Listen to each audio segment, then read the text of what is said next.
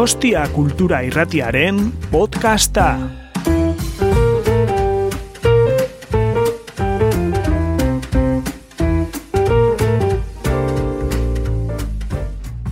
Buenas tardes, gracias por su asistencia.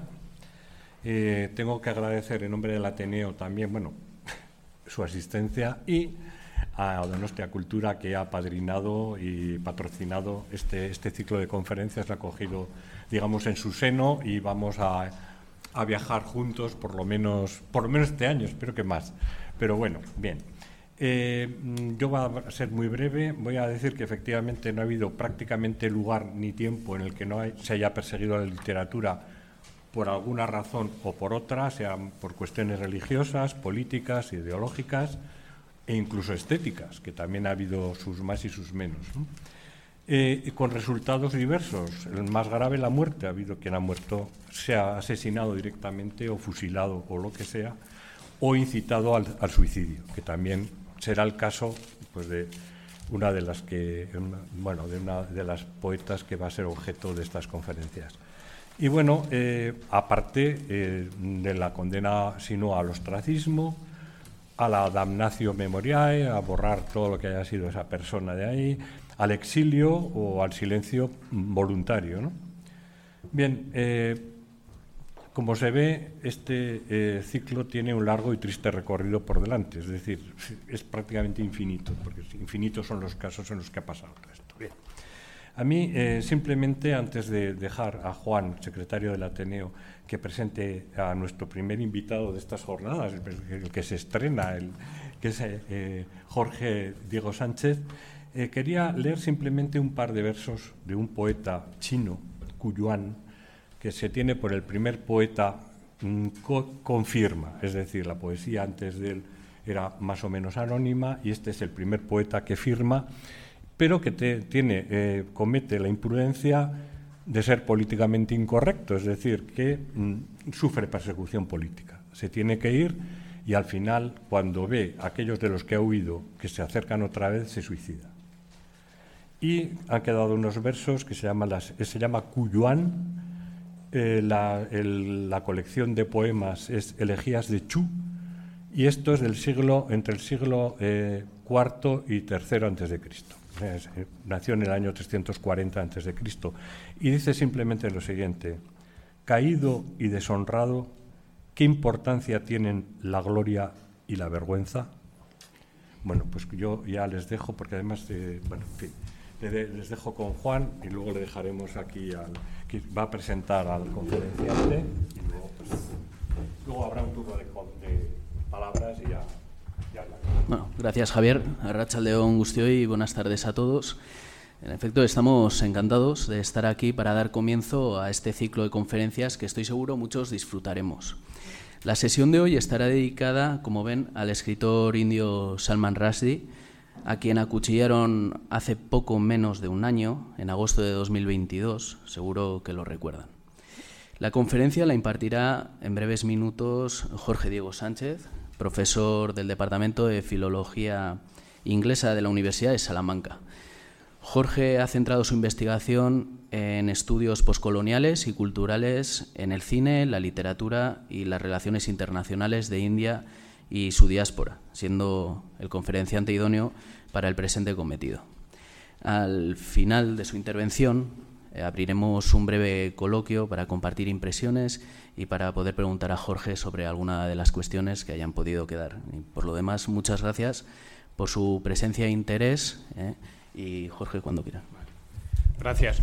Bueno, eh, muchísimas gracias a todas las personas que estáis esta tarde aquí en un seminario titulado Literaturas Perseguidas. Hay veces que este tipo de títulos eh, atrae a la gente, tiene cierto morbillo intrínseco, pero hay veces que sigue asustando o, como dicen muchos de mis estudiantes, estamos hartos de estudiar a esos autores que siempre les ha pasado algo. Entonces, para mí es un privilegio poder ver una sala llena, eh, deseosa de saber eh, por qué Salman Rushdie ha sido perseguido y también qué persigue Salman Rushdie. Antes de empezar con la conferencia que les tengo preparada para hoy, me gustaría darle las gracias a Javier Mina, que hace unos meses escribió con la idea de, este, de estas jornadas y, lanzó una invitación y a partir de ahí todo ha sido facilidades, tanto por Juan Big como por Samira, que han hecho muy fácil estar aquí y que eh, han producido mucho, mucho interés. Y sobre todo que yo volviese a un material que empecé a trabajar hace 16 años, cuando parezco muy joven, no soy tan joven como lo que parece, y es muy divertido eh, presentar a Salman Rushdie como ya me estoy saltando el guion, entonces, eh, Juan, cuando veas que eh, me estoy pasando de tiempo, me avisas. hablar de Salman Rushdie parece que es una cosa muy popular, que una tarde lluviosa de San Sebastián llena una sala como hoy. Hablar de Salman Rushdie con parte de sus libros, Salman Rushdie tiene publicados 23 libros, publicados, hay más, parece que es algo muy fácil, pero hace 16 años, cuando yo empecé mi tesis doctoral, eh, esto era una disciplina perseguida. Estudiar cosas que no fueran escritas ni en Gran Bretaña ni en Estados Unidos era algo que para qué te va a servir, Jorge. ¿Y por qué no vuelves a Shakespeare? ¿Y por qué no estudias siglo XVIII? ¿Y por qué un indio? Entonces, eh, según eso se iba eh, relajando un poco, empezaban a ver las ventajas de Salman Rushdie sabe hablar un buen inglés, ha vivido en Reino Unido, ha vivido en Estados Unidos y ha sufrido. Entonces, ser víctima era algo que atraía el foco mediático, haber sobrevivido era eh, una manera de llamar la atención de, las personas estudiosas y ya no era tan perseguido estudiar a Salman Rushdie. Sin embargo, cuando vas a India, parte de mi investigación eh, la he realizado en India durante cinco años, hablar de Salman Rushdie era muy peligroso. Era muy peligroso porque Salman Rushdie es un escritor odiado tanto en India como fuera de India. Y hablar de India eh, dentro de India, no siendo indio, como era mi caso, era un motivo de rechazo que hace un no indio hablando de Salman Rushdie, cuando realmente las, universidades, eh, te invitaban y querían que estuvieses allí haciendo la investigación de tu doctorado, porque era una manera de que alguien pudiese hablar sin miedo. Entonces me gustaría dar este marco porque queda como muy bonito. Yo hoy he sacado la americana, he, plantado, he planchado la camisa india, tenemos todos los libros de Salman Rushdie, la sala está llena pero Salman Rushdie también ha sido perseguido y las personas que leen a Salman Rushdie o que estudiamos en un momento a Salman Rushdie eh, han sufrido cierta persecución.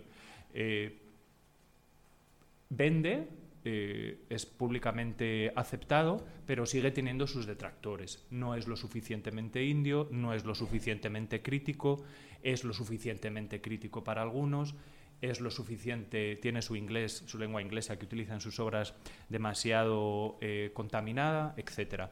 Por lo tanto, me gustaría romper un poco esta atmósfera mágica ¿no? de Salman Rushdie, eh, literaturas eh, prohibidas y darse cuenta que, que, esto en muchos lugares de India contemporánea, por ejemplo, estaría prohibido. Es algo que la gente ignora, pero es muy difícil conseguir un visado de investigación ahora mismo a India eh, intentar pedir un visado de investigación significa que revisan los motivos por los que has hecho, mm, meten tu nombre en Google y entonces cuando llegas al aeropuerto eh, Calcuta a 7 de la mañana después de 23 horas, lo primero que te preguntan es, pero ya estuviste aquí leyendo esto. Por lo tanto, quiero que todo eso sean subtextos que, hoy permeen por aquí. Salman Rushdie es una figura canónica, es una figura que tiene una eh, gran editorial por detrás, que tiene unos grandes editoriales extranjeras por detrás, que ha sufrido, que sigue sufriendo y que sigue amenazado, y que lleva desde el, 1800, desde 1989 eh, con un precio por su vida. Sigue ese precio por su vida, nunca acabó eh, la recompensa. Sin embargo, dentro de esa persecución, Salman Rushdie hay que destacar que tiene cierto privilegio. Y, esa persecución, aunque existe también para las personas que estudian a Salman Rushdie, es menor que en otros casos. Así que eh, me he saltado, esto era un poco la, conclusión, pero creo que es importante un poco eh, contextualizar que el estudio de Salman Rushdie es eh, perfecto para estas jornadas, porque mm, he visto el, cartel y el programa de eh, personas que vendrán, eh, son expertos hablando sobre eh, autores que están perseguidos. Hay algo más allá, ¿no? Es lo que em, Javier y Juan y Samira están haciendo desde el Ateneo es importante porque esta persecución sigue. Y habiendo un poco introducido el backstage, lo que hay detrás de, Salman Rushdie y, por qué se sigue persiguiendo a, Salman Rushdie, me gustaría empezar con eh, la última novela que ha escrito y que se ha publicado en febrero de 2023, que está traducida al español. Y las buenas noticias son que estaba prestada en la biblioteca. Entonces, hay una persona en Donosti que está leyendo eh, la última novela de Salman Rushdie que se titula Ciudad Victoria. Esta novela se publica en febrero, eh, por lo tanto, seis meses después de que fuese acuchillado 11 veces antes de empezar a dar una charla en, Estados Unidos. Eh, Salman Rushdie sigue temiendo por su vida, ha perdido un ojo, ha perdido la movilidad de su mano izquierda, el problema de Salman Rushdie es que se había acostumbrado a escribir a máquina, entonces haber perdido la movilidad eh, de la mano izquierda es un problema para su escritura eh, y sigue con, ese precio. Y yo hoy quería empezar, y vuelvo al esquema de la conferencia de, hoy, que se llama Resistir y Existir, con un neologismo, con una palabra que me he inventado para hablar de Salman Rushdie, que surge de unir los actos de resistencia como actos de existir y aprender a existir de una manera distinta, porque creo que eso es lo que hace Salman Rushdie y sus narrativas, no solo las que escribe, sino las que se dicen eh, sobre él y su escritura, como la que yo les acabo de comentar ahora sobre la persecución que incluso las personas que estudian a Salman Rushdie eh, sufren. Y quiero comenzar eh, hablando de esta última novela, Ciudad Victoria, como eh, siguen los descuentos por la feria del libro y todo ese tipo de mm, publicidad, es importante hablar que esta novela tiene una narradora, es la primera mujer femenina que habla en primera persona durante toda la novela en una novela de Salman Rushdie, su nombre es Pampa Campana, y comienza en el siglo XV guardando toda la historia de una civilización a punto de desaparecer en unas tinajas. Pampa Campana decide escribir toda esta, eh, todas las anécdotas de una civilización que está a punto de ser destruida, dejarlas en unas tinajas para que dentro de cinco siglos alguien lea esa historia. Será en esta novela Pampa Campana la que cuente la historia cinco siglos después, y lo más interesante de que todo esto eh, se realice es que Pampa Campana, la narradora de la última novela de Salman Rushdie, Ciudad Victoria, habla de una civilización que realmente existió, eh, que se llamaba la civilización en la ciudad de Hampi, y habla de ella desde dos perspectivas históricas distintas, habiendo vivido en el siglo XV y como la persona que desde el siglo XX-XXI comienza a defender desde la diversidad de tradiciones filosóficas, todo aquello que pasó y que fue erróneo en ese momento, pero también todo aquello que está pasando actualmente y es erróneo en este momento. Y hay algo extremadamente importante en, esta narradora que es básico para entender lo que yo hoy les quiero presentar sobre Salman Rushdie, y es que la narradora sabe que hay que salvar las historias para salvarse a ella misma y todo lo que ella misma con su historia puede añadir a la historia más grande. La historia de Pampa Campana es mm, como si yo ahora mismo simplemente definiera esta eh, charla con, imaginamos, un personaje de un cómic con un globo, ¿no? Con, con el bocadillo. Entonces está el director del Ateneo, Javier Mina, con un bocadillo. Él tiene su idea de lo que va a pasar esta conferencia. Está muy bien que él tenga su idea, pero si no juntásemos todos los bocatas, los bocadillos que tienen todas las personas que estamos aquí, incluidas yo, no sabríamos realmente de qué va la conferencia de hoy y qué le está pareciendo a, a este lugar, a este momento y a lo que se va a contar sobre esto en el futuro. Y esto es precisamente lo que la narradora de Ciudad Victoria hace. Ella sabe que está hablando del siglo XV. Ella sabe que vivió en el siglo XV, pero ella quiere contar también cómo ella ve esa civilización destruida en el siglo XX y cómo va a llegar esta civilización al siglo XXI. Cree que su historia es importante de la misma manera que Salman Rushdie cree que todo aquello que él cuenta es importante para conocer qué ha vivido él, por qué ha sido perseguido él y por qué es importante que recordemos su persecución para entender nuestro día a día. Hoy estamos celebrando el Día de Europa. Yo venía conduciendo desde Salamanca y entonces eh, pulsaras la, emisora que pulsaras, todas hablaban de las eh, conmemoraciones del Día de Europa. El personaje histórico mitológico de Europa es una mujer que fue secuestrada eh, con una mercantilización de su cuerpo y que desapareció. Fue perseguida durante mucho tiempo por Zeus.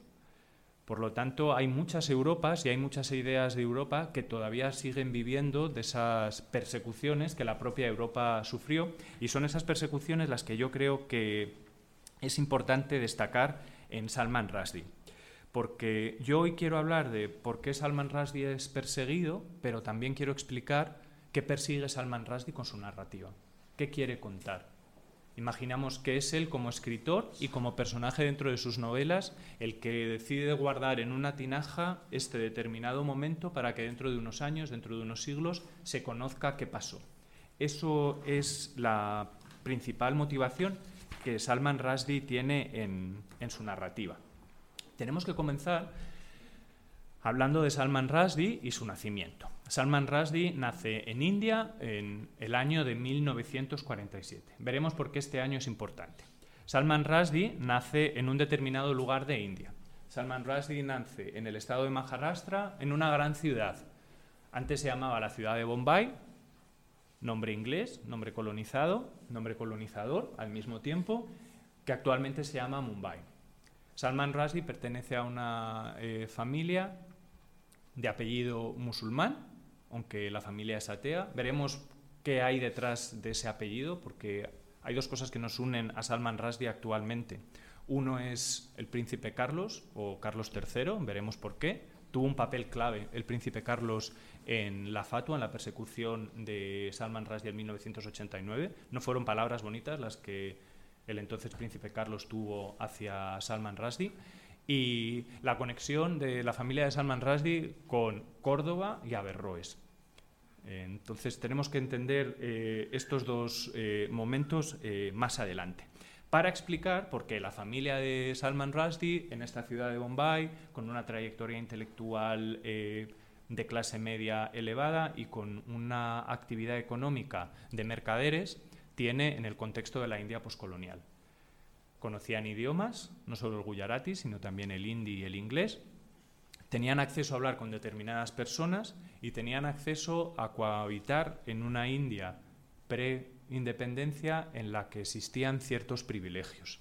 Si eras mercader, si eras, pertenecías al sector de los negocios, eh, y vas a tener contacto con diversa gente. Por lo tanto, al Imperio del Reino Unido le interesaba que tú estuvieses bien para que todas las personas con las que tú tratabas tuvieran una buena idea del Reino Unido. Por lo tanto, quiero que se queden con este nacimiento en este preciso momento. Eh, Salman Rushdie nace en junio de 1947 y hay algo extremadamente importante que vamos a ver hoy a través de las eh, de la obra de Salman Rushdie que tiene lugar el 15 de agosto de 1947. Por lo tanto, Salman Rushdie nace dos meses antes de un gran evento que les avanzo que es la independencia de India o la manera en la que el Reino Unido o el Imperio Británico abandona las colonias en el subcontinente indio porque no le son rentables. Los negocios de la familia Rushdie ya no le son rentables. Por lo tanto, hay que contextualizar a Salman Rushdie y a su familia en este determinado momento histórico y con toda esta trayectoria. Y hay que entender que en Salman Rushdie eh, 70, casi 70 años después, 65 años después, escribe Ciudad Victoria, esta novela publicada hace dos meses, después de un ataque casi mortal, en la que da cuenta de lo importante que es reconocer, guardar y contar todas las historias que describen un momento particular. En este momento, la caída de la civilización Hampi, que tiene lugar en el estado justo por debajo del que él nace. Él cuenta en la última entrevista que realizó, que la realiza el 8 de febrero. Eh, en esta entrevista en la que presenta Ciudad Victoria es la primera vez que él se expone públicamente con esta imagen que muestra claramente las consecuencias del, del ataque. Él habla de cómo ha sido capaz de reconocer su vida en este estado de la India, en Maharashtra, mientras hablaba del estado de Karnataka y su historia en Ciudad Victoria a través de un personaje que le permitía explorar, dice él en esta entrevista, distintas maneras, porque cuando hablamos de distintas maneras, estamos hablando de distintas maneras de contar, pero también distintas maneras de pensar, de cohabitar y de mirarse a sí mismo y hacia el otro lado. Y todas estas capas biográficas y bibliográficas son extremadamente importantes para saber quién es Salman Rushdie, por qué fue perseguido Salman Rushdie y qué persigue Salman Rushdie. Les sigo arrojando ideas, les prometo que más adelante seré más específico. Eh, tienen un programa de mano en el que aparece una miniatura del siglo XVII, en torno al 1600, eh, en color, si llegaron pronto es en color, si no llegaron pronto es en blanco y negro. Y a la vuelta tienen eh, algunos de los eventos importantes de Salman Rushdie. Si se les olvida, oye, ¿y en qué año nació Salman Rushdie? Aquí lo tienen, con el título de alguna de las obras, para que no me repita. Tienen algunos de los nombres que yo voy a estar citando hoy, que a lo mejor les suenan un poquito extraño, pues eh, luego si quieren saber más, van a casa y googlean y luego tiene una selección de citas tomadas de las cuatro novelas eh, principales sobre las que hoy iré basando mi charla. ¿Vale? Pero volvemos a este manuscrito, que es extremadamente importante para conocer a Salman Rushdie en nuestro espacio temporal, si ya teníamos una unión, que era el príncipe Carlos o Carlos III ahora, si teníamos la conexión de Salman Rushdie con Averroes, y vamos a añadir una nueva, y la nueva eh, conexión que tiene Salman Rushdie con nosotros es una reescritura que él realiza de Don Quijote. En el 2019 escribe un Don Quijote en el que cuenta de nuevo todas las andanzas de Don Quijote, publicado en 2019. Es una novela muy, muy, muy divertida y muy rusdiana. Y cuando utilizo el adjetivo rusdiano es que le gusta hablar de sí mismo hay algunos críticos que odian a Salman Rushdie porque les parece muy egocéntrico. Es verdad que es muy egocéntrico, pero es importantísimo que alguien sea egocéntrico para llegar a saber algo de él. Por lo tanto, sabemos qué le interesa a partir de eh, su reescritura de Don Quijote. Don Quijote, en la reescritura de Salman Rushdie, no viaja a través de la Mancha, sino que viaja a través de un lugar en el que existen siete valles. Los personajes en esta reescritura de Salman Rushdie sobre el Quijote van a través de siete vallas y en muchos momentos Salman Rushdie los representa como si fuesen pajarracos hablando. Salman Rushdie para su reescritura de Don Quijote en el año 2019 utiliza un texto clásico persa escrito en Irán que se titula La conferencia de pájaros, la conferencia de los pájaros o el lenguaje de los pájaros, escrito en 1166.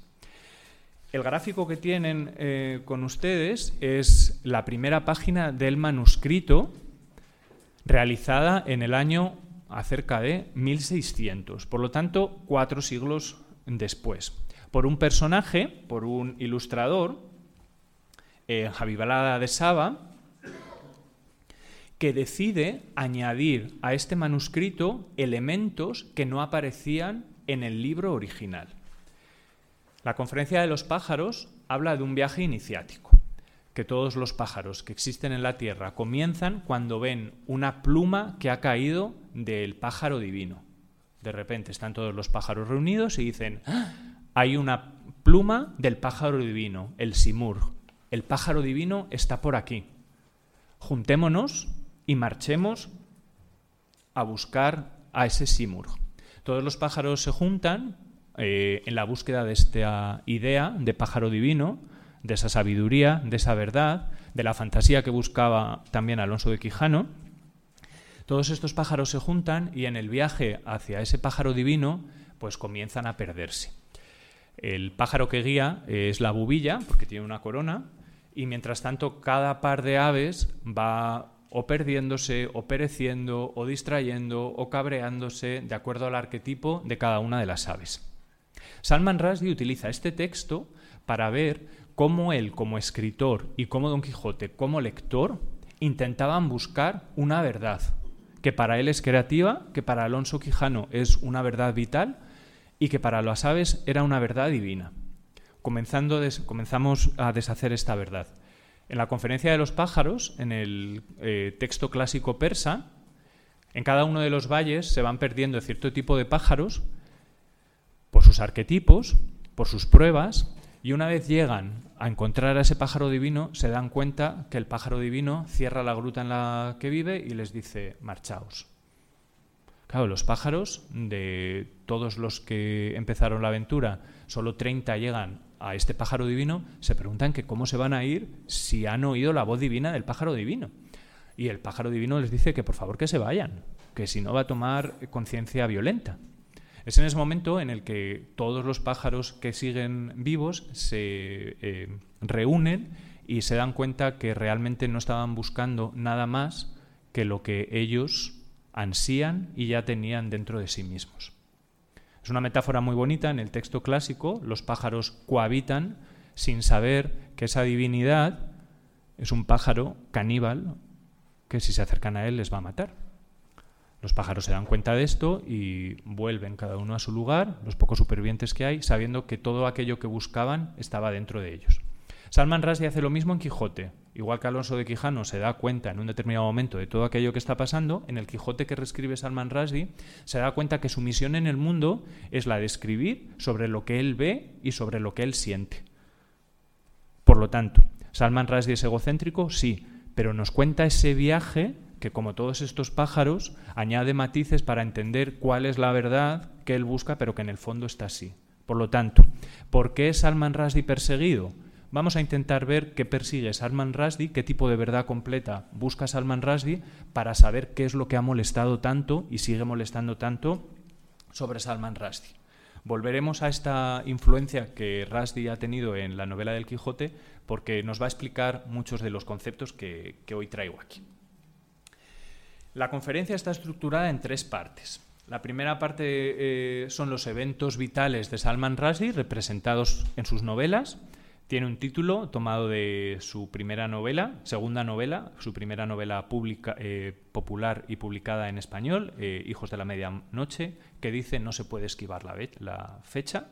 En esta primera parte de la conferencia les voy a explicar ciertos eventos vitales que Salman Rushdie eh, cuenta en sus libros de una manera específica en la segunda eh, parte, en la segunda sección de esta conferencia, les voy a presentar los distintos lenguajes narrativos bajo el título de Señor Rushdie, he leído su novela, pero ¿qué es lo que quiere decir? Un poco como las ideas que deben de tener ahora ustedes cuando yo les empezado a hablar de pájaros, de que he sido perseguido y de los atentados que ha sufrido Salman Rushdie. Y la tercera parte, eh, que tiene un título tomado de, Quijote, de su reescritura de, eh, de la novela de Cervantes, eh, habla o les explica o de alguna manera presenta como la resistencia, la manera de sobrevivir que Salman Rushdie tiene es la misma que la de la literatura que él escribe o la literatura que todos leemos, que es la de intentar detener la película y olvidarnos del cuento de hadas. Entonces, vamos a empezar Conociendo un poquito más sobre los eventos vitales eh, que ha tenido Salman Rushdie, que no han sido un cuento de hadas, pero que tenemos que entender por qué no han sido un cuento de hadas. Vale, comenzamos. 1981, primera fecha que hay que tener en cuenta. Salman Rushdie gana un premio. Gana el premio Booker.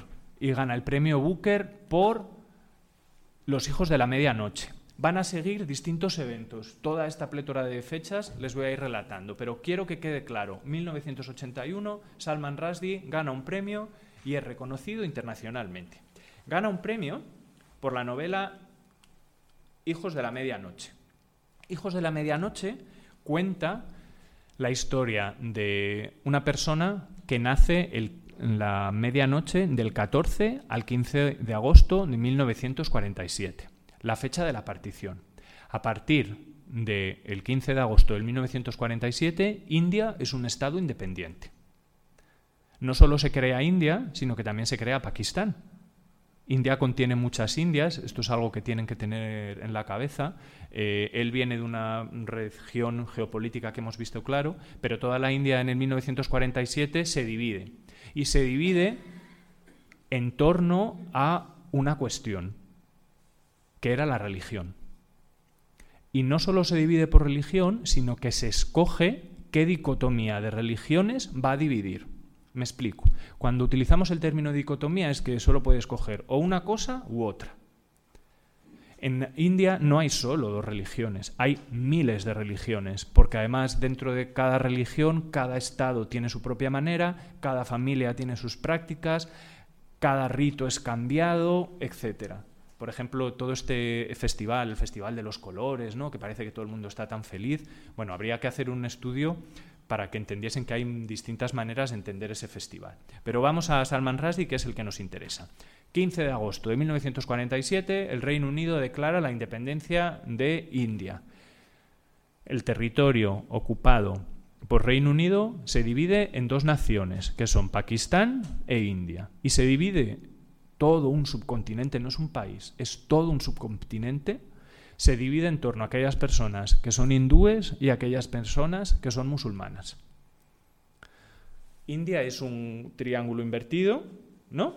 Todo el triángulo va a ser hindú a partir de la independencia y alrededor vamos a tener dos Pakistanes, Pakistán del Este y Pakistán del Oeste, lo que ahora es Pakistán y lo que ahora es Bangladesh.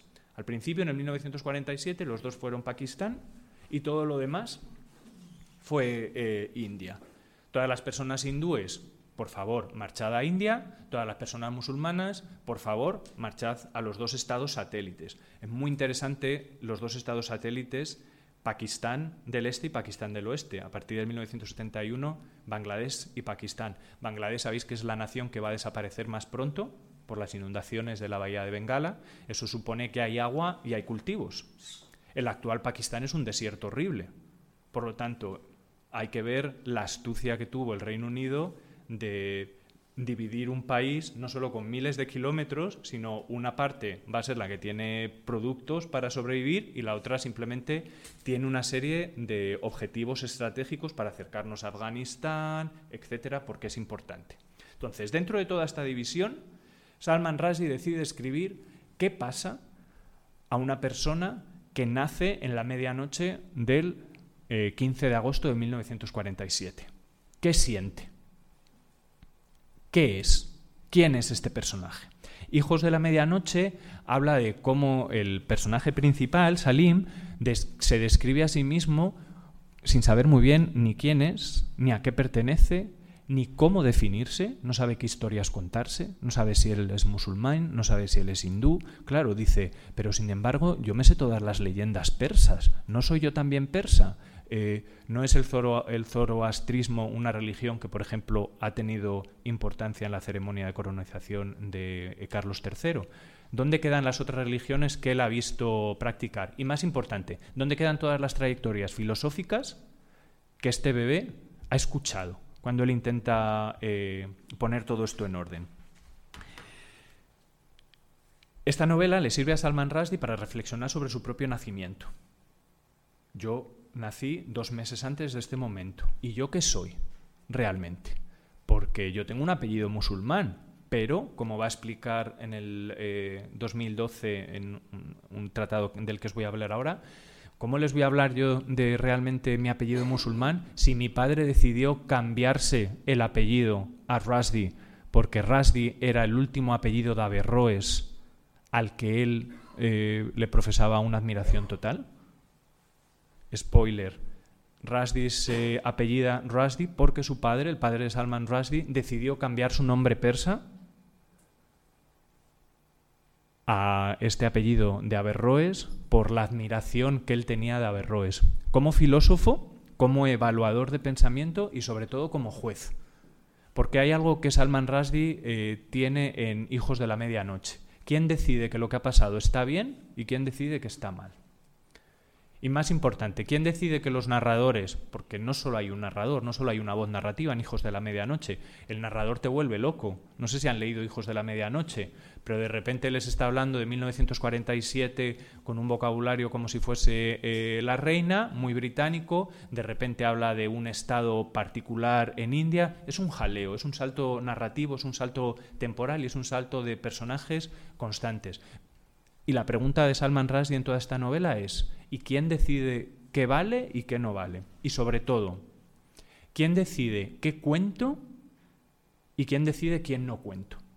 Si van al, programa que les he dado, eh, las citas 1 y 2 son citas de Ciudad Victoria, de la primera novela. La cita número 3 es el principio de la novela, de Hijos de, de la Medianoche. Si quieren leerla, se hacen una idea de estos saltos narrativos que tiene el narrador de Hijos de la Medianoche. Léanlo.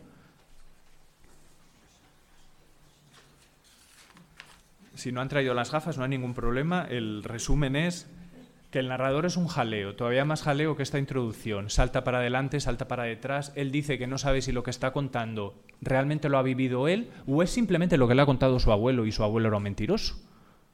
Claro, pero lo que me ha contado mi abuelo siendo una mentira es también importante porque esa mentira me va a hacer entender mejor la verdad. Pues imagínense 450 páginas con esta voz narrativa. Es muy interesante y fue muy importante, mientras eh, leen esta cita les voy añadiendo, fue muy importante porque fue la primera novela en la que no hay personajes blancos hablando de India. 1981 una novela con la mayoría de los personajes indios que hablan en un lenguaje, en una lengua inglesa que es particular, que no es la estándar de la BBC. De hecho, Rushdie, cuando recibe el premio Booker, dice que jamás pensó que esta novela tuviese, eh, éxito.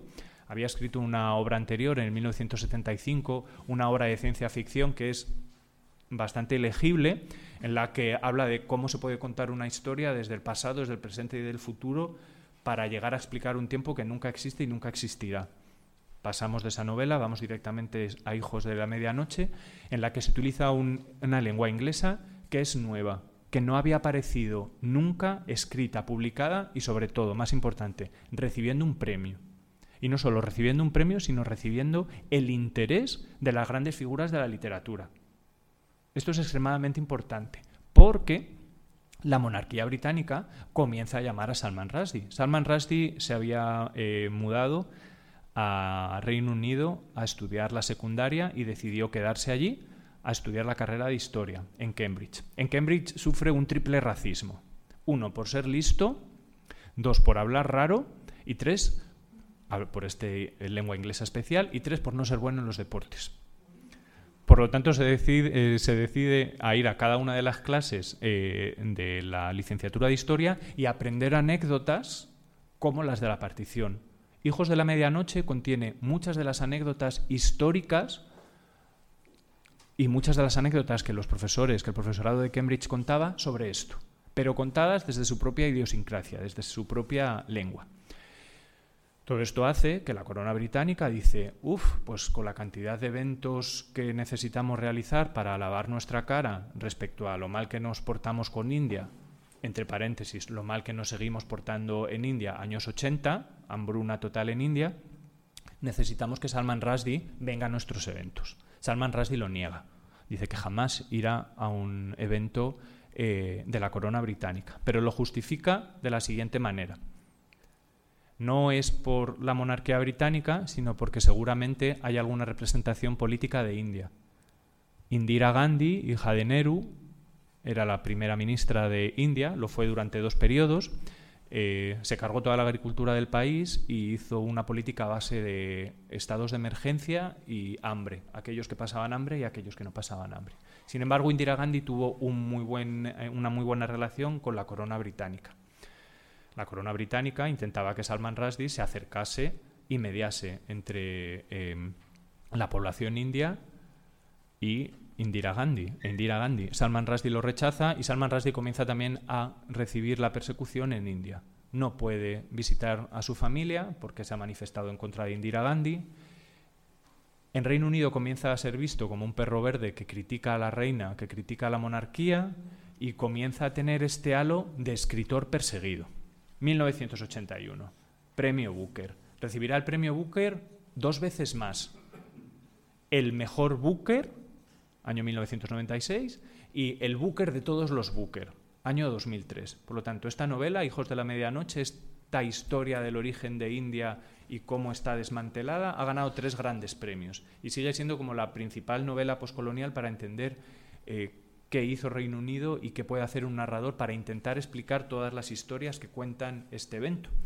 Porque aquí Salman Rushdie es perseguido por no pronunciar quién tenía razón, quién lo hizo bien y quién lo hizo mal. Porque cada una de las voces narrativas dice que está bien o está mal, o que está bien y está mal al mismo tiempo, porque ni ellos mismos lo saben. Y esa es una de las grandezas que el jurado vio en Salman Rushdie y su novela Hijos de la Medianoche. Siguiente novela, no es Los versos satánicos, es 1983, Vergüenza. Si he estado durante siete minutos hablando de que Hijos de la Medianoche habla del nacimiento de India, 1983, Vergüenza, habla de cómo nace Pakistán de la misma vergonzosa manera que India. Novela interesante porque cuenta otra historia, pero que a su vez es tremendamente importante para entender a los personajes de Hijos de la Medianoche. Están conectadas. Acaba la trilogía 1988 con los versos satánicos. Y todos sabemos lo que pasa con los versos satánicos, ¿no? Si yo hablo de los versos satánicos, yo creo que suena, ¿no? Y el libro que hace que Salman Rushdie sea perseguido y su vida sigue pendiendo de una recompensa ofrecida por el actual Irán. En el 1988, septiembre de 1988, Salman Rushdie publica esta novela. La novela, de nuevo, vuelve a ser elegido entre las diez novelas que optan al premio Booker.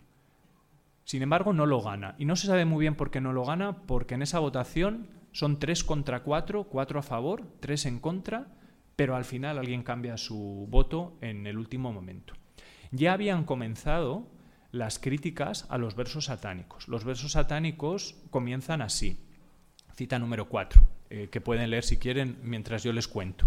Hay dos personas que van en un avión de India a Reino Unido, este avión sufre un ataque terrorista, explota, solo sobreviven dos personajes que de repente uno se ve con una aureola, dice, uff, yo debo ser un arcángel, y el otro debe ser Dios. Y entonces va a recontar durante 425 páginas la historia de Mahoma, a través de estos dos personajes. Y algunos eventos que no aparecen en el Corán y supuestamente tendrían que aparecer en el Corán, o muchas de las historias del Corán contadas de una manera distinta o puestas en duda. 1988, Salman Rushdie ya comienza a sufrir persecuciones y manifestaciones en su contra en Reino Unido. Ojo, que las manifestaciones empiezan en Reino Unido. Bradford y Tower Hamlets eh, mm, en una región de Londres que es bastante importante ahora, Brick Lane, seguramente les suene Brick Lane, una zona de mercadillos ahora, es una trampa turística donde va mucha gente. Bueno, pues todo ese barrio, al igual que eh, Bradford, comienza a manifestarse en el 1988 en contra de la reescritura que Salman Rushdie hace de estos eventos del Corán y en 1989 el Ayatollah Khomeini decide 14 de febrero de 1989, decide cancelar los versos satánicos y pedir, como pueden leer en la siguiente cita, que cualquiera que tenga acceso a la vida de Salman Rushdie acabe con él porque está corrompiendo la fe y está corrompiendo el texto clásico. A Salman Rushdie todo esto le pilla un poco sin saber muy bien cómo. En el año 2012 eh, ahora se los cuento, eh, publica sus memorias, que se llama Joseph Antón, se llaman eh, Joseph están en la biblioteca y voy a hablarles ahora de él. en esta mm, reescritura de su propia vida, cuenta qué hacía él mientras el Ayatollah Khomeini se preparaba a, condenarle y a ponerle vida. Es extremadamente divertido. Y preparando esta conferencia, claro, hace 16 años yo no tenía acceso a los programas de radio. Eh, que había pasado, pero ahora si tú en Spotify, en este servidor de música y de programas radiofónicos, yo busco Salman Rushdie 18 de septiembre 1988, cuando la novela se publicó en Reino Unido, tienes acceso a todas las entrevistas que Salman Rushdie dio. Entonces pone los pelos de punta. Pone los pelos de punta porque Salman Rushdie no sabía la que se la avecinaba. Presenta los versos satánicos, tremendamente eh, eh, alegre, dice que con esto acaba la trilogía, que por fin se va a entender por qué la partición de India y de Pakistán sigue siendo un poco desastre, que por fin él mismo va a entender muchos de los folclores que le habían contado, y se atreve, hay un programa en la BBC que... Eh, sigue hoy en día, ha acudido personajes muy importantes en el que se, entre, se hace una entrevista como la que hacía Jesús Quintero ¿no? en, aquí. Y entonces se les hace una entrevista en la que eh, los personajes famosos tienen que elegir ocho canciones y de esas ocho canciones tienen que elegir dos primordiales, una sobre todo. Entonces Salman Rushdie elige dos, una canción eh, que habla de la partición, folclore, y elige una canción de los Rolling Stones diciendo que el demonio viene hacia mí. Es todo de pelos de punta. Todo esto se lo cuento porque no sabía lo que se le venía encima. Comienzan estas manifestaciones, eh, septiembre-octubre de 1988, la quema de libros, y en 1989, el día de San Valentín, el Ayatollah Khomeini, sin haber leído el libro, decide condenarlo. Le pone precio a su vida y comienza lo que en este seminario, ¿no? La conferencia tenía que haber empezado aquí. Salman Rushdie es perseguido a partir del 14 de febrero de 1989. Pero es mentira, porque ya había pasado antes, ¿vale? Ya se había peleado con Indira Gandhi, el hijo de Indira Gandhi, Rajiv Gandhi, no podía ni verle, eh, dentro de Reino Unido había cierta persecución. Salman Rushdie comenzaba quizás a cuestionar irse a Estados Unidos porque en Reino Unido no le van a apoyar. Todos sabemos quién es Roald Dahl, todos sabemos quién es John le Carré y todos sabemos quién es el príncipe Carlos actual, Carlos III, ¿verdad? Estas tres personas critican abiertamente a Salman Rushdie y le dicen que por qué escribe esto, que vaya basura de novela y que por favor que lo retire, porque es que les está poniendo en un compromiso. Roald Dahl es todavía más duro, dice que está mal escrito y que es una auténtica tontería. Y John Le Carré dice que se ha aburrido. Entonces, imagínense el poder mediático del príncipe Carlos, de Roald Dahl y de John Le Carré criticando esta novela. Antes de la fatua. Fatua es el pronunciamiento de un líder religioso musulmán, es la fatua, se conoce la fatua al momento en el que el 14 de febrero de 1989, el Ayatollah Khomeini pone precio a la vida de Salman Rushdie. Sabemos lo que había detrás, vamos a hablar de lo que hay ahora, en esta persecución que supuestamente comienza ahora. El Ayatollah Khomeini necesitaba una cortina de humo para justificar el desastre en el que estaba su tierra. Y necesitaba pronunciarse internacionalmente para criticar la postura de Arabia Saudí de la extinta URSS o de la que se eh, comenzaba a extinguir URSS y la postura de Estados Unidos y Reino Unido. Todos los escritores de Reino Unido atacan a Salman Rushdie. Salman Rushdie, en cuestión de horas, llega a su casa, le esperan 12 coches de policía del servicio eh, secreto de Reino Unido, le tapan los ojos, lo cuenta en su novela Joseph Anton, y se lo llevan a un lugar. Él no sabe dónde. Salman Rushdie ha estado casado cinco veces, tiene dos hijos. Eh, aquí todavía tenía su primera mujer, luego irá cambiando en los siguientes años y habla de lo difícil que fue siempre tener una relación y un matrimonio cuando tenías que estar escondido. Esto también lo tenemos que tener en cuenta por otras eh, anécdotas que les contaré más adelante. Por lo tanto, hecho vital, publicación de los versos satánicos, 1988, solo hay problemas dentro del Reino Unido. El gran hecho tiene lugar el 14 de febrero de 1989 porque el Ayatollah Khomeini necesitaba una cortina de humo. Y qué mejor cortina de humo que al escritor de moda, que el escritor que además eh, estaba en el candelero, recibe una persecución. Y recibe una persecución que continúa hasta el 2002. Continúa hasta el 2002 porque en el 2002 Salman Rushdie decide manifestar públicamente su respeto y su fe musulmana. Hemos dicho que su familia, su apellido es musulmán, pero que su fe eran ateos. Sin embargo, en el 2002 decide pronunciar públicamente su adherencia, su respeto y su trayectoria como musulmán con el objetivo de poder salir del Reino Unido. El 2000, en el año 2002, Salman Rushdie puede abandonar Reino Unido y marcharse a Estados Unidos. Tenemos que entender, por favor, que no es solo por la fatua. Todo esto ya lleva muchos más años. No era un escritor 100% querido en Reino Unido.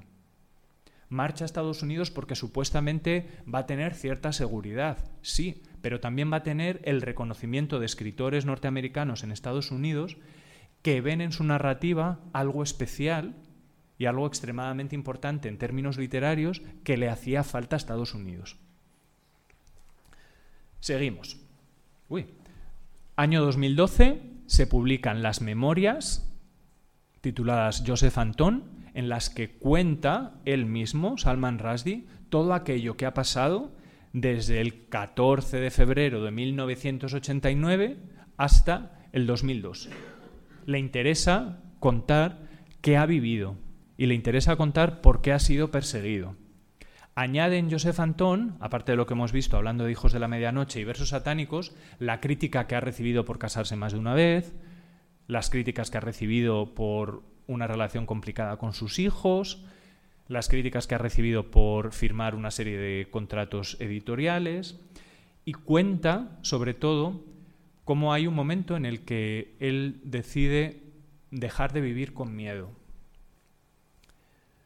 o al menos dejar de mostrar miedo. Y esto aparece en esta narrativa, aparece en Joseph Antón. Su estilo es cómico, es muy leve, es muy divertido.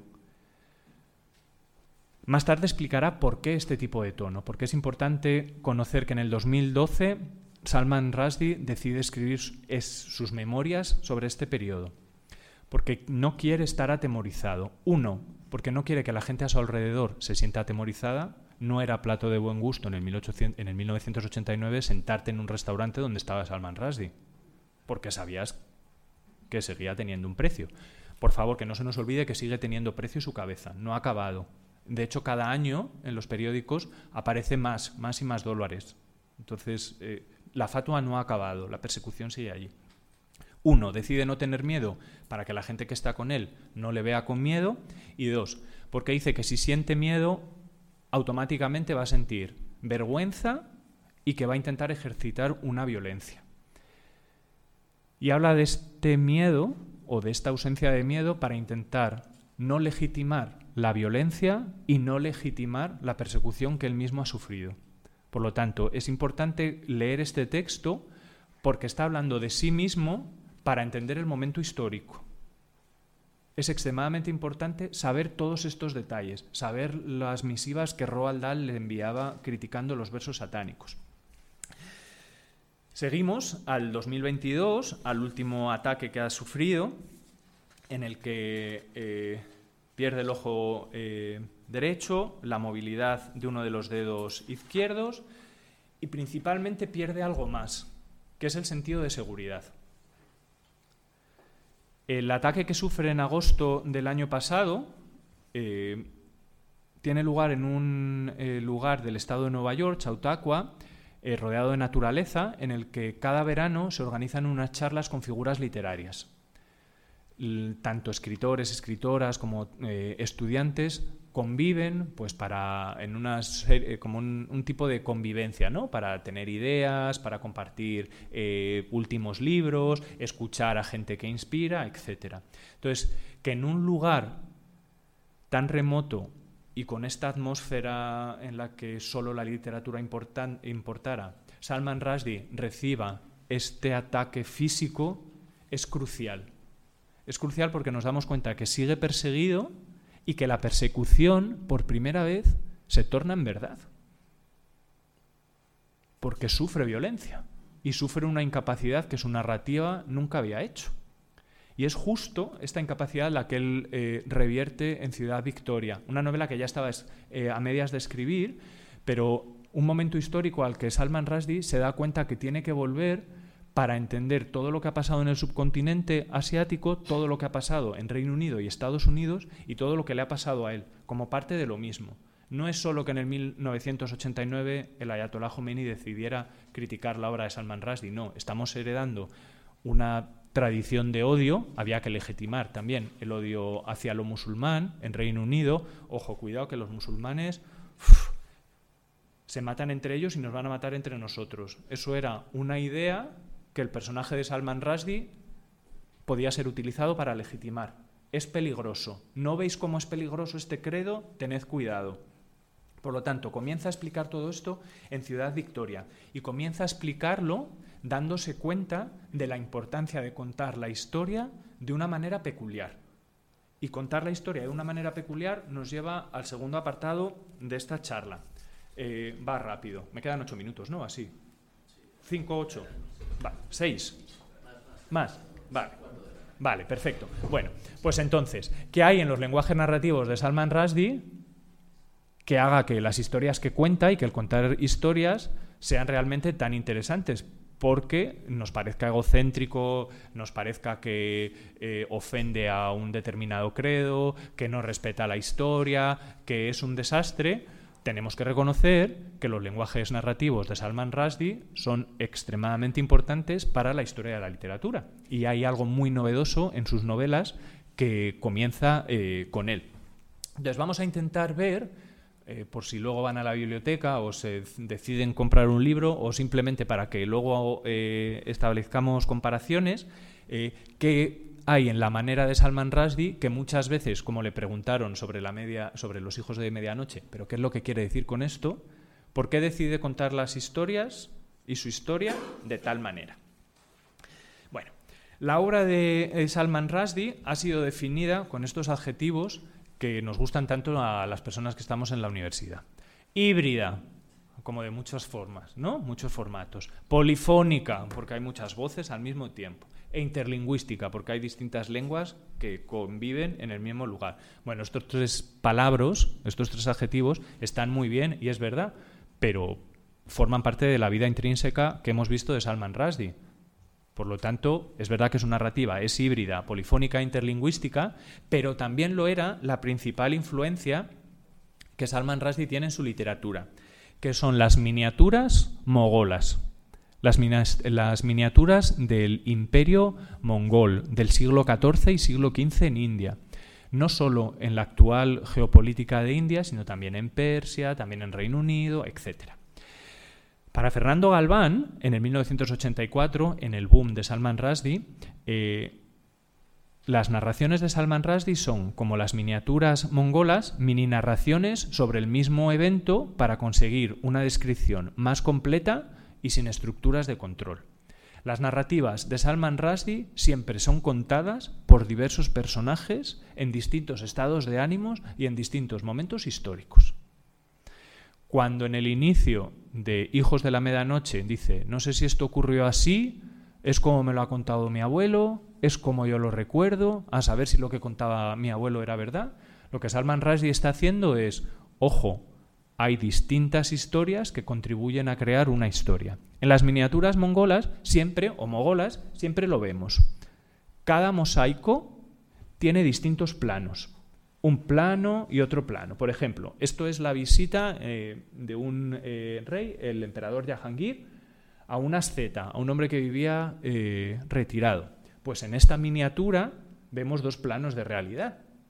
Uno, el rey, y dos, con toda su opulencia, toda su corte, y el rey visitando al asceta en una postura distinta. Las novelas de Salman Rushdie son como estas miniaturas, son mosaicos. Entonces, las primeras diez páginas de los, eh, de los Hijos de la Medianoche, de los versos satánicos, o de Quijote, o de Ciudad Victoria, son cuatro baldosines. Si esos cuatro baldosines los juntamos a otros ocho, va a ser un desastre al primer momento, pero luego vamos a intentar entender que hay algo más complejo. Siguiente cosa que se ha dicho.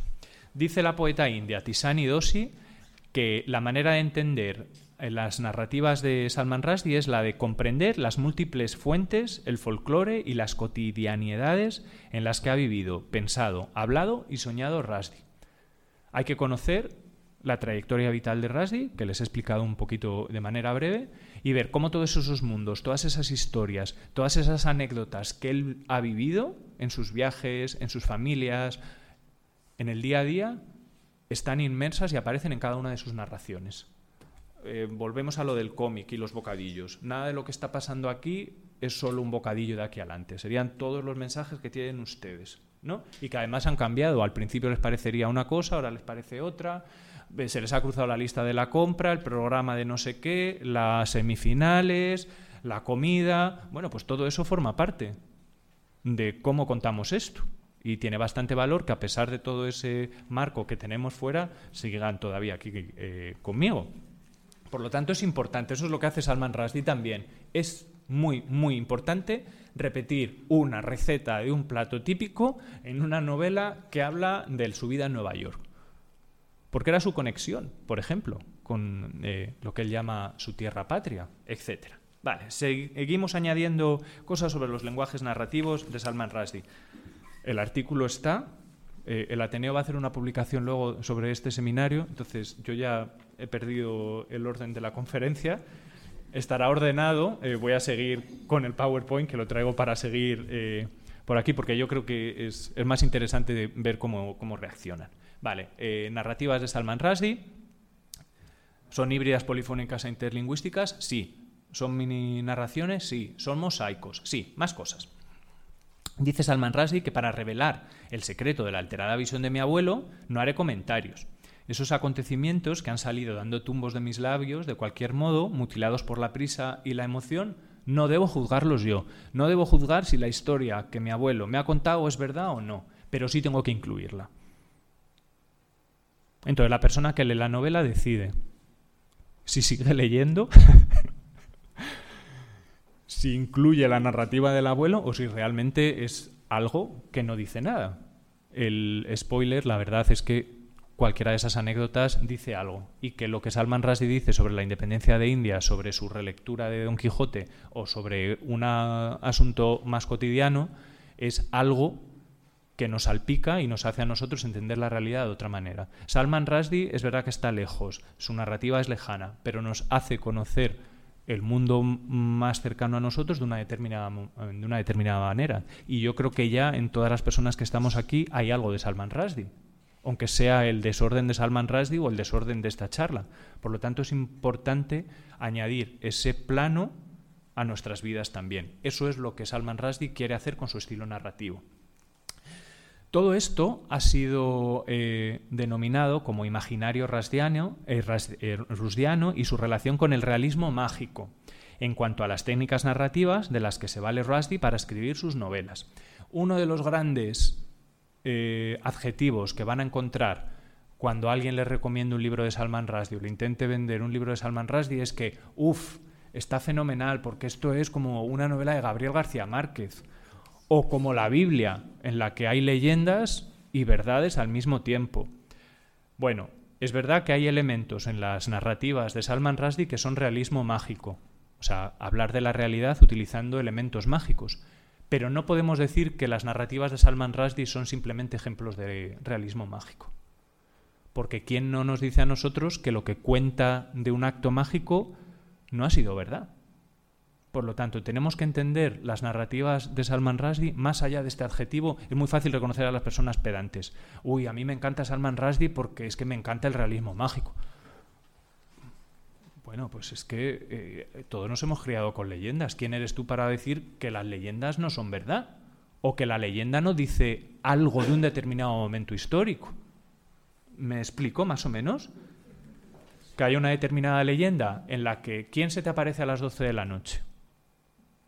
Suele ser siempre una mujer ensangrentada. Pues eso ya está diciendo bastante de nuestra cultura, de nuestra civilización. Entonces, si entendemos las leyendas, a lo mejor no dicen verdades, pero sí que nos hace entender qué cuentan esa leyenda o en qué momento eh, surge esa leyenda.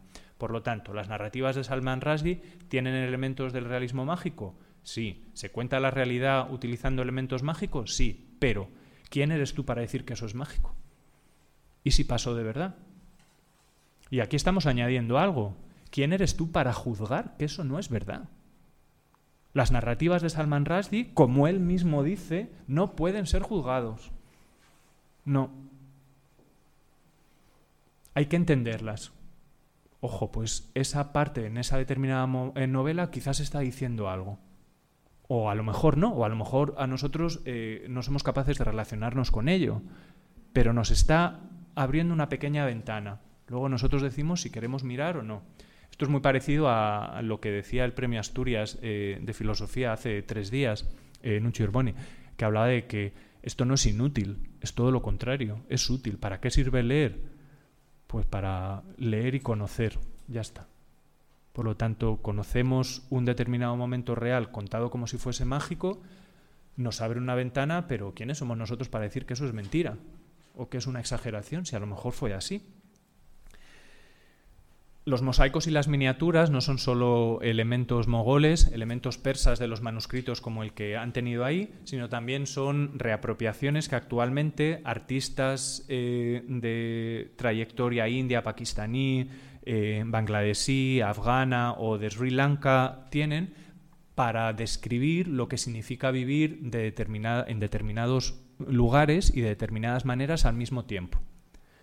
Salman Rushdie utiliza este multiplano, esta multirealidad, estas historias contadas como si fuesen magia, para hablar de su realidad. Y esto es algo que en pintura también se hace. Eh, para la coronación de Carlos III, The Sing Twins han estado haciendo una serie de labor gráfica que viene de hace muchos años y, por ejemplo, en esta miniatura que les he seleccionado, describen la piscina de la vida, su piscina de la vida como eh, figuras diaspóricas en Reino Unido con una trayectoria de filosofías, de plurinacionalidad, etcétera, que ocurre al mismo tiempo y de determinadas eh, maneras en un determinado teatro. Esto es una novela de Salman Rushdie. Todo esto pasando al mismo tiempo. Para ello, Salman Rushdie dice que hay distintas maneras de historia, de contar historia. Uno es la que es literal, y otra que es la que se compone de, las que, de los recuerdos, de la que se recuerda. Para él la historia literal no le dice nada. Para él la historia se formula de todas aquellas anécdotas, de todas aquellas leyendas que se han contado sobre un momento histórico. Yo mismo les podía contar ahora eh, la independencia de India de una determinada manera, Incluso podía haber sido muy beligerante diciendo que se cargaron todo el continente, que esa región geopolíticamente va a ser dependiente del Reino Unido para toda su vida. Bueno, aunque he añadido esos matices, he intentado obviarlo, porque hay que entender que, bueno, que en un determinado momento histórico fue lo que pasó. Por lo tanto, en su estilo narrativo, Salman Rushdie habla de que la historia como tal no existe, lo que existen son los recuerdos. Y esos recuerdos se siguen construyendo y nos siguen haciendo a nosotros crear nuestra determinada perspectiva histórica que va cambiando. Como por ejemplo las narraciones del Panchatantra. ¿Les suenan las narraciones del Panchatantra? Son los cuentos indios, como nuestras fábulas, las que nos han contado.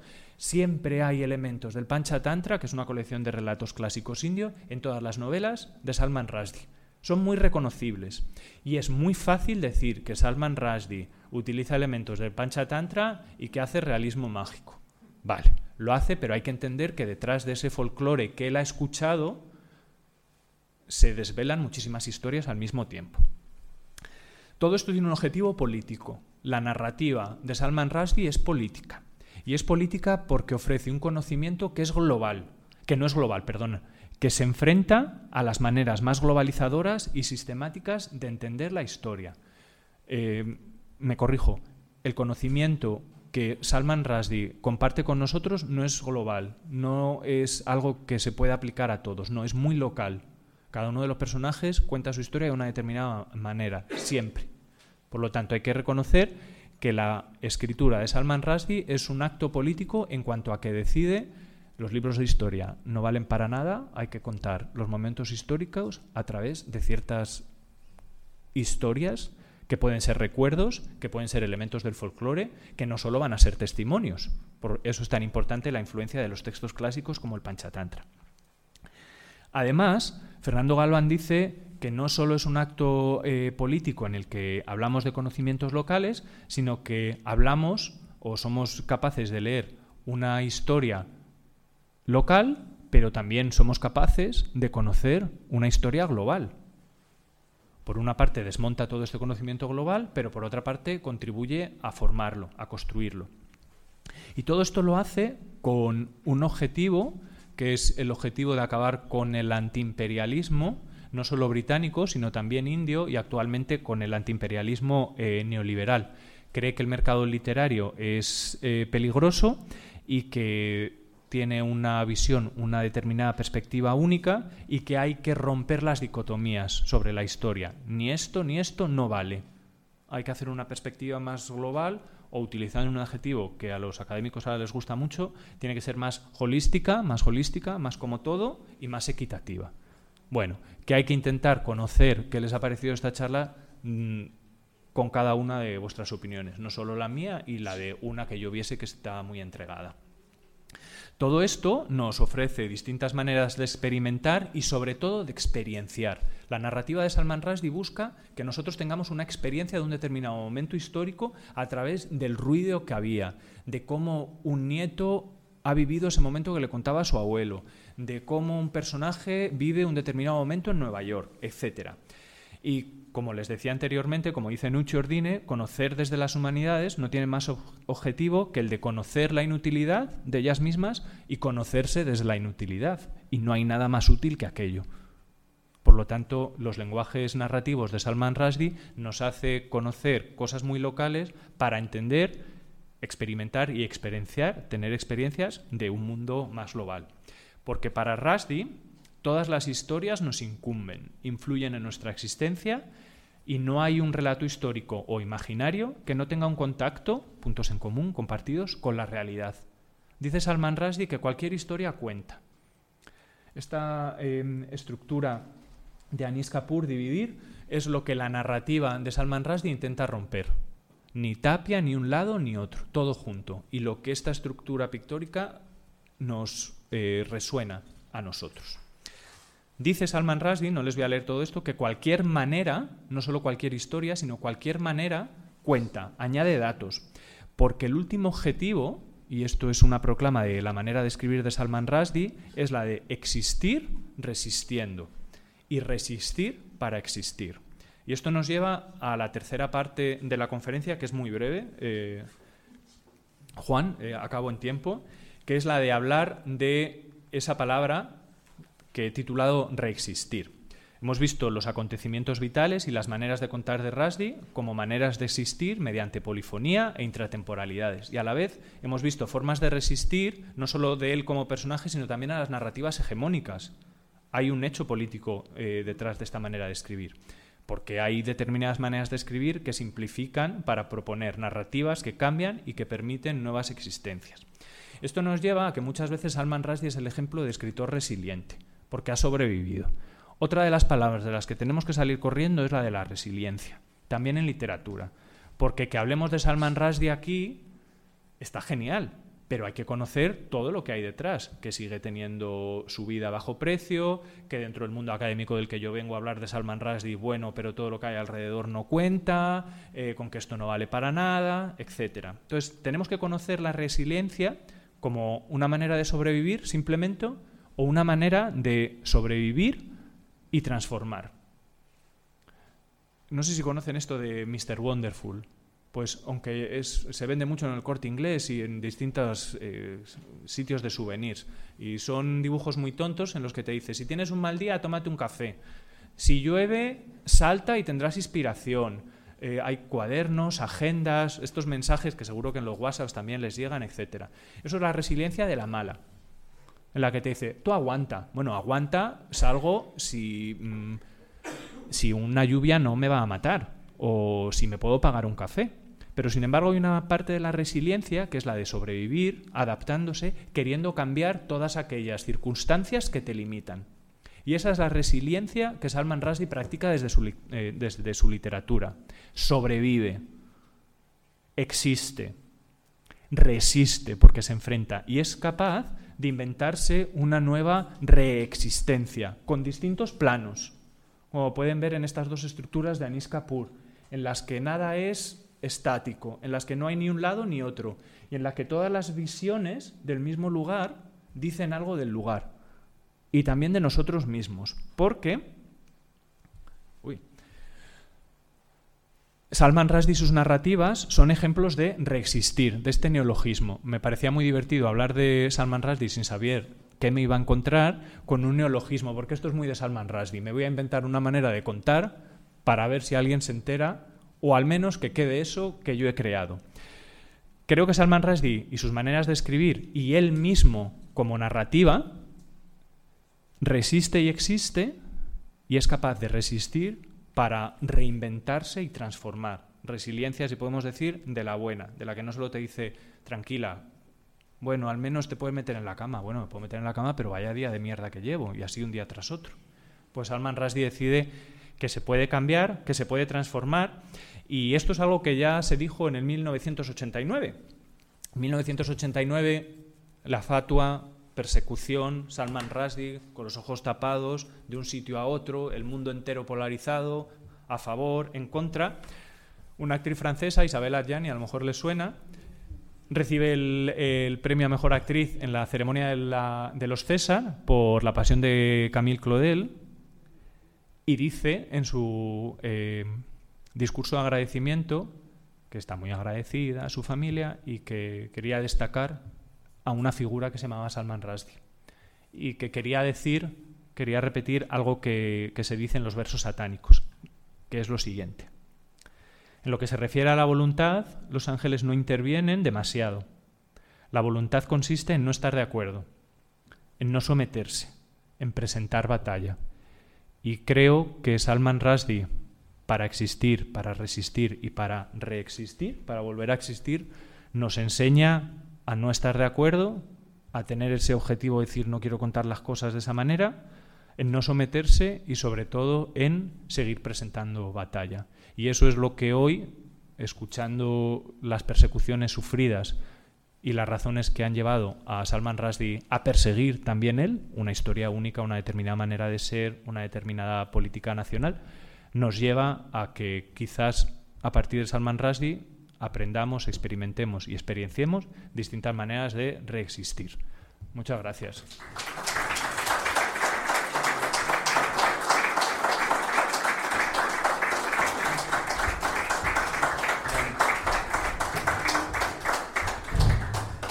Muchas gracias, Jorge, porque estoy convencido además que, a muchos nos encantaría seguir escuchándote, eh, porque sin duda ha sido una forma muy amena de hacer un barrido a la biografía de Rasi y, que nos va a dar herramientas también ahora para leerle, releerle o a la gente eso, que, no conozca su literatura, aproximarse a ella, eso sin duda.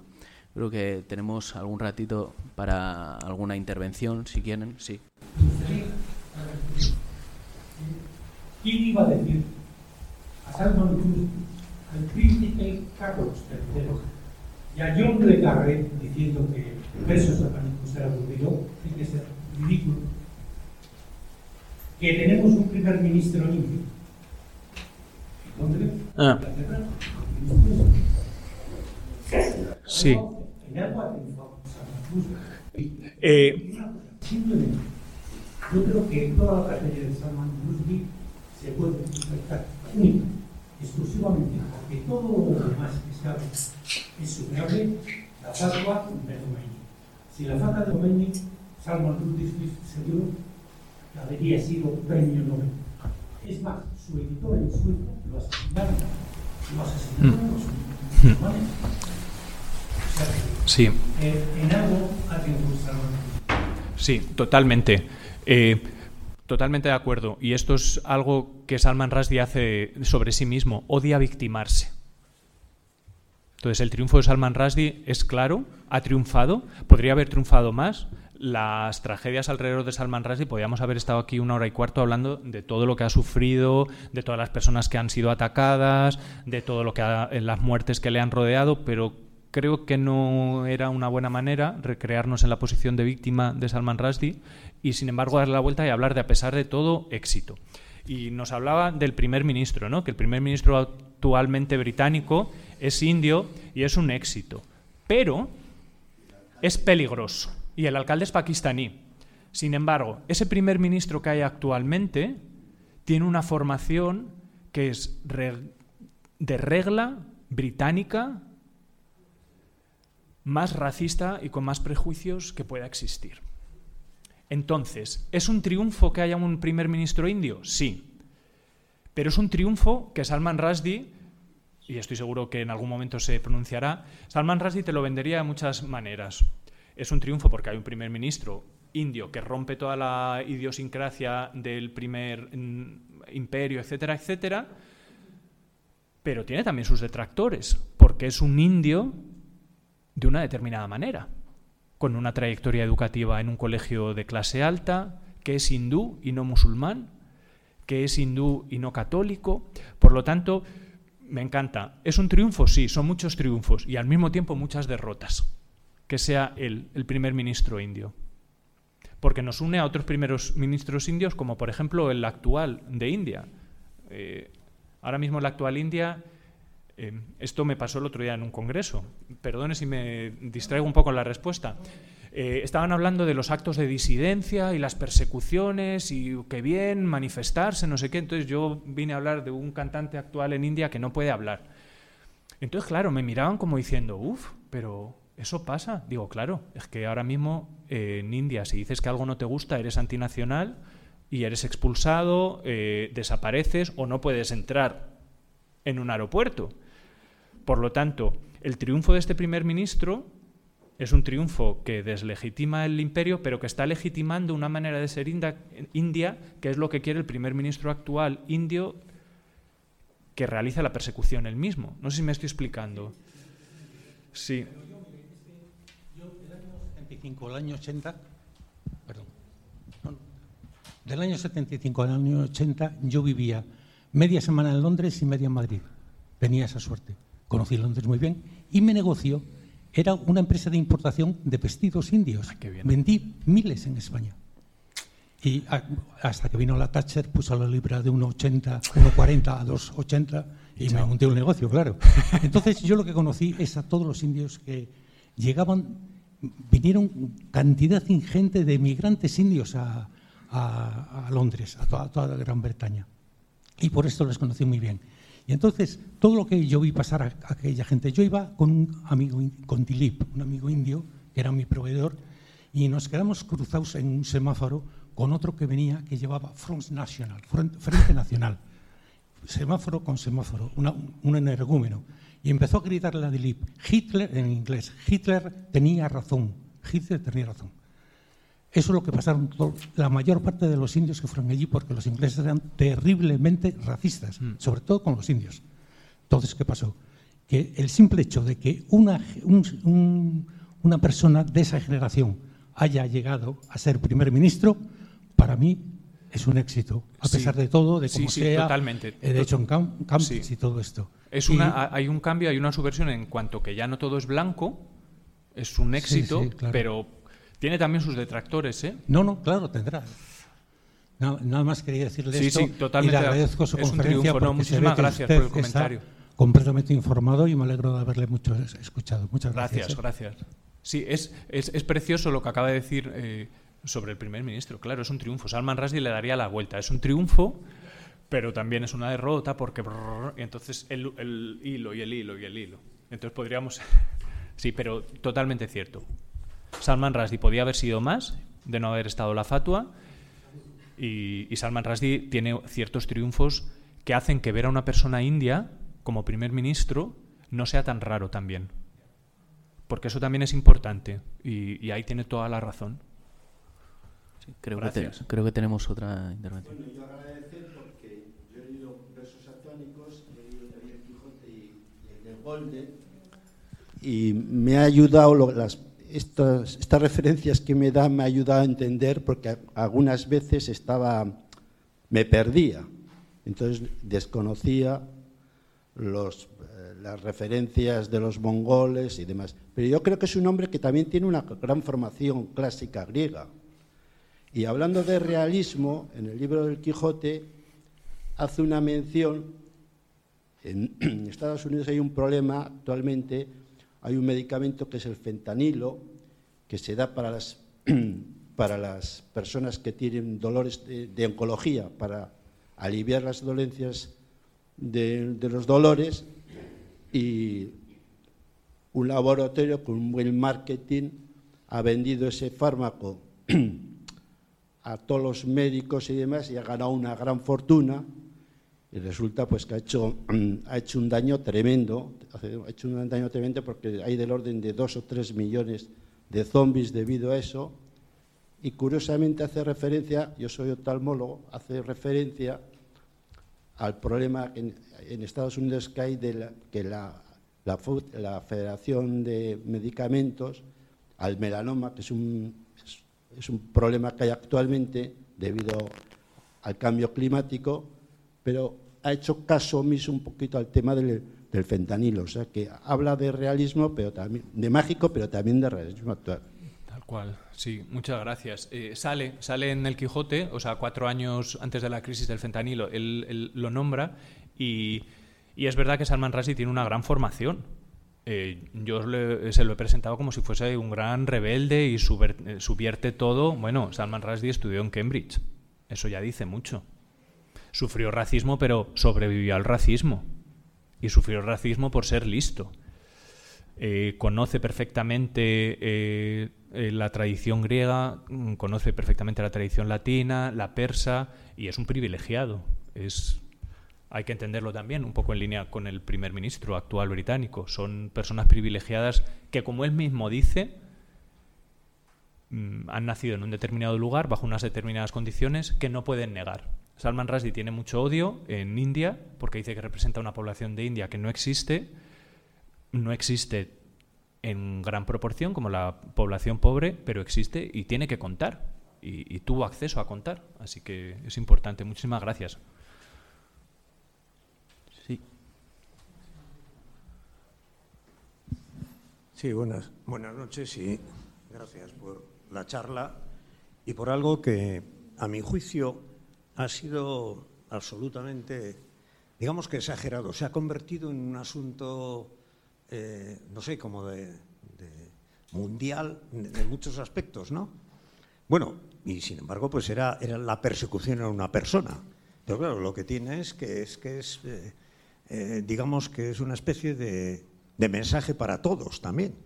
Porque es que a cualquier otro y en cualquier terreno le puede suceder esto. ¿Qué quiere decir? Pues no, pues que el mundo, en fin, no sigue la madurez o que debía de tener, ¿no? Teniendo en cuenta que ya todos tenemos tanta, tanta relación unos con otros, y unas civilizaciones con otras, y unas religiones con otras, ¿no? Pues parece que todo eso todavía no, ha hecho madurar al género humano y a muchísimos de sus, eh, eh, bueno, de sus componentes, ¿no? Y entre otros, sobre todo, aquellos que tienen, que tienen algún poder y pretenden ejercerlo como sea, por encima de todos incluso de los dioses a los que pretenden adorar, ¿no? O sea, que, todavía no han dicho nada ni se han puesto a perseguir a nadie, ¿no? Ninguno de los diversos dioses o, de las formas de Dios que, tengan, ¿no? Ni de las religiones. Y todo eso se ha convertido en un aspecto muy, eh, bueno, que me parece que, bueno, que seguimos como hace muchos siglos. Lo que pasa que es que probablemente pues, el género humano tiene una lentitud enorme, ¿no? Para, para transformarse, ¿no? ¿Qué vamos a hacer? Quiero decir que es un caso muy concreto, pero que especifica a lo largo de los siglos. Se podrían poner unos cuantos ejemplos también. Totalmente. Me parece que tiene importancia real desde el punto de vista literario. Totalmente, tiene, tiene toda la razón y ha utilizado dos verbos eh, que son clave para entender a Rasdi y que afectan un poco a todos los que estamos aquí y no me han contratado para hacer publicidad, pero esto es reprogramar, ¿no? Salman Rushdie como un programador que siempre te está dando la última versión y agitar. Y yo creo que a Salman Rushdie y su agitación se le entenderá, ¿no? En pues lo que él ha agitado se verá comparado o ampliado con los escritores que, faltan, ¿no? En el seminario. Yo creo que ahí está la grandeza de Rushdie de la literatura. Gracias. Sí, no sé si... No, listo. Entonces, eh, concluimos hoy aquí. Eh, en el programa tienen todas las citas futuras eh, los martes de este mes y estaremos encantados de recibirles. Muchísimas gracias, ¿eh? porque no es fácil esto tan tarde y con tantas cosas que hacer y con estos lenguajes inesperados. Así que muchas gracias porque han estado atentas. Muchísimas gracias. ¿eh? Gracias. Gracias.